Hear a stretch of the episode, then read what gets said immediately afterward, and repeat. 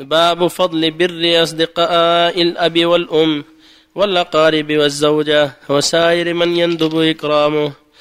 عن ابن عمر رضي الله عنهما أن النبي صلى الله عليه وسلم قال إن أبر البر أن يصل الرجل ود أبيه. وعن عبد الله بن دينار عن عبد الله بن عمر رضي الله عنهما أن رجلا من الأعراب لقيه بطريق مكة فسلم عليه عبد الله بن عمر وحمله على حمار كان يركبه وأعطاه عمامة كانت على رأسه. قال ابن دينار فقلنا له أصلحك الله إنهم الأعراب وهم يرضون باليسير. فقال عبد الله بن عمر إن أبا هذا كان ودا لعمر بن الخطاب رضي الله عنه وإني سمعت رسول الله صلى الله عليه وسلم يقول إن أبر البر صلة الرجل أهل ود أبيه. وفي رواية عن ابن دينار عن ابن عمر أنه كان إذا خرج إلى مكة كان له حمار يتروح عليه. إذا مل ركوب الراحلة وعمامة يشد بها رأسه فبينا هو يوما على ذلك الحمار.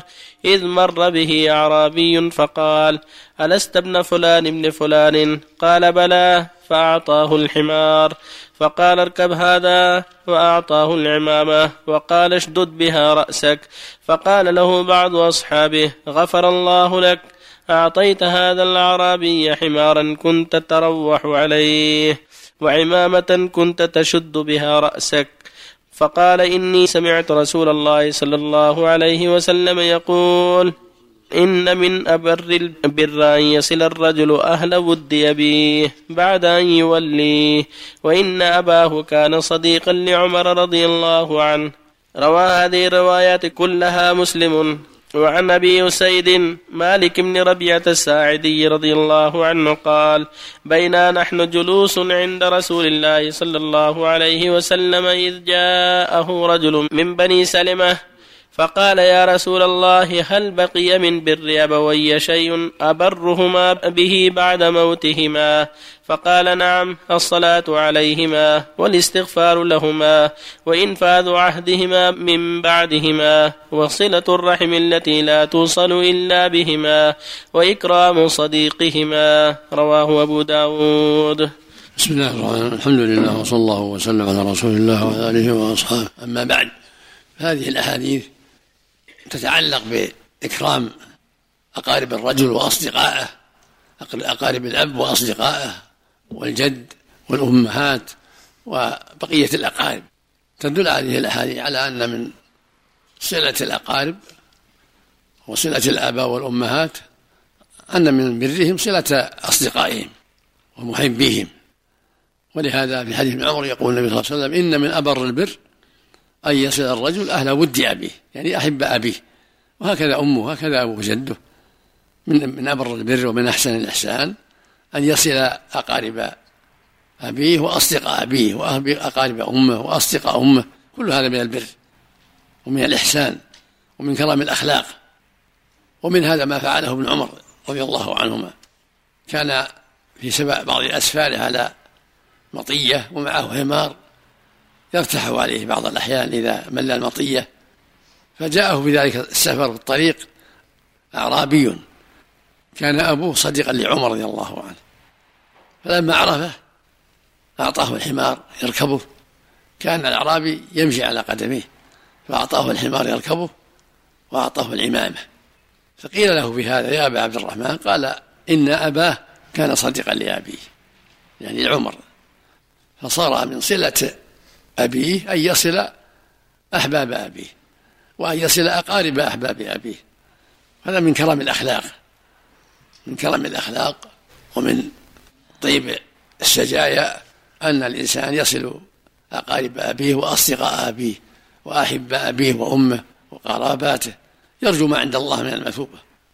وفي الحديث رضا الله في رضا الوالدين وسخط الله في سخط الوالدين فإكرامهم من رضاهم إكرام أقاربهم وأصدقائهم من مما يرضيهم. وفي حديث أبي أسيد الساعدي الأنصاري رضي الله عنه أن أعرابيا قال يا رسول الله هل بقي من بر أبوي شيء أبرهما به سأله سأل قال يا رسول الله هل بقي من بر أبوي شيء أبرهما به يعني بعد وفاتهما فقال النبي صلى الله عليه وسلم نعم الدعاء لهما والاستغفار لهما وإنفاذ عهدهما من بعدهما وإكرام صديقهما وصلة الرحم التي لا توصل إلا بهما. ذكر خمسة أشياء. الدعاء والاستغفار لوالديه. هذا من برهما. الإكثار من الدعاء لهما والاستغفار لهما في ليله ونهاره في صلاته في غير ذلك. ثالثا إنفاذ عهدهما. الوصية التي يوصي بها أبوك أو أمك. وهي وصية شرعية من برهما إنفاذها. كالثلث والربع أو وصية بعتق. بعض المماليك أو وصية بصدقة أو ما أشبه ذلك. فمن برهما إنفاذ الوصايا الشرعية التي يوصي بها الآباء والأمهات. رابعا إكرام صديقهما إذا كان لهم أصدقاء وأحباء فإكرام أصدقائهما من برهما ومن الإحسان إليهما. خامسا صلة الرحم لا تصل إلا بهما كالعم والعمات والأخوال والخالات فإن صلتهما صلة للأب والأم. صلاة أقاربهما صلة لهما. كالأعمام والعمات وبنيهم والإخوال والخالات وبنيهم والأجداد والجدات ونحو ذلك. والمقصود من هذا كله أن السنة للمؤمن والمؤمنة الحرص على صلاة الرحم وعلى إكرام الوالدين وبر الوالدين وبر أقارب الوالدين وأصدقاء الوالدين كل هذا داخل في برهما. ومعلوم أن برهما من أهم الواجبات وأن عقوقهما من أقبح السيئات. فبر أقاربهما وأصدقائهما وأحبائهما داخل في برهما. وفق الله الجميع. حديث أبي سعيد ذكر سمعت بعض المحشين انه يدور على علي بن عبيد الساعدي. لم يوثقه ابن حبان. اللي يعرف إنه صحيح. يحصل الله عملك قال إن الأعراب يرضون باليسير. هل تكاثر هذا الشيء يحصل الله عمل؟ يتكاثر على يعطيه الحمار والعمامه لو أعطيته بعض الشيء. يعني مثلا العمامة مثلا لو أعطيته بعض الشيء. أحسن الله عملك أفضل الصدقة في حق الميت الموية اللي بتصدق عن ميته يطلب الرادة. هذا أفضل شيء ولا في أفضل من هذا؟ جاء في بعض الروايات ويقتضي ان صدقة الماء من أفضل الصلاه لكن على كل حال يتحرم حاجة المسكين. بالنقود بالطعام بالملابس بالماء. تختلف الأحوال. بارك الله الصدقة كلها خير. الصدقة كلها خير. بارك الله فيكم. إذا لم يبر والديه وهم أحياء. هل ينفع برهم وهم أموات؟ نعم.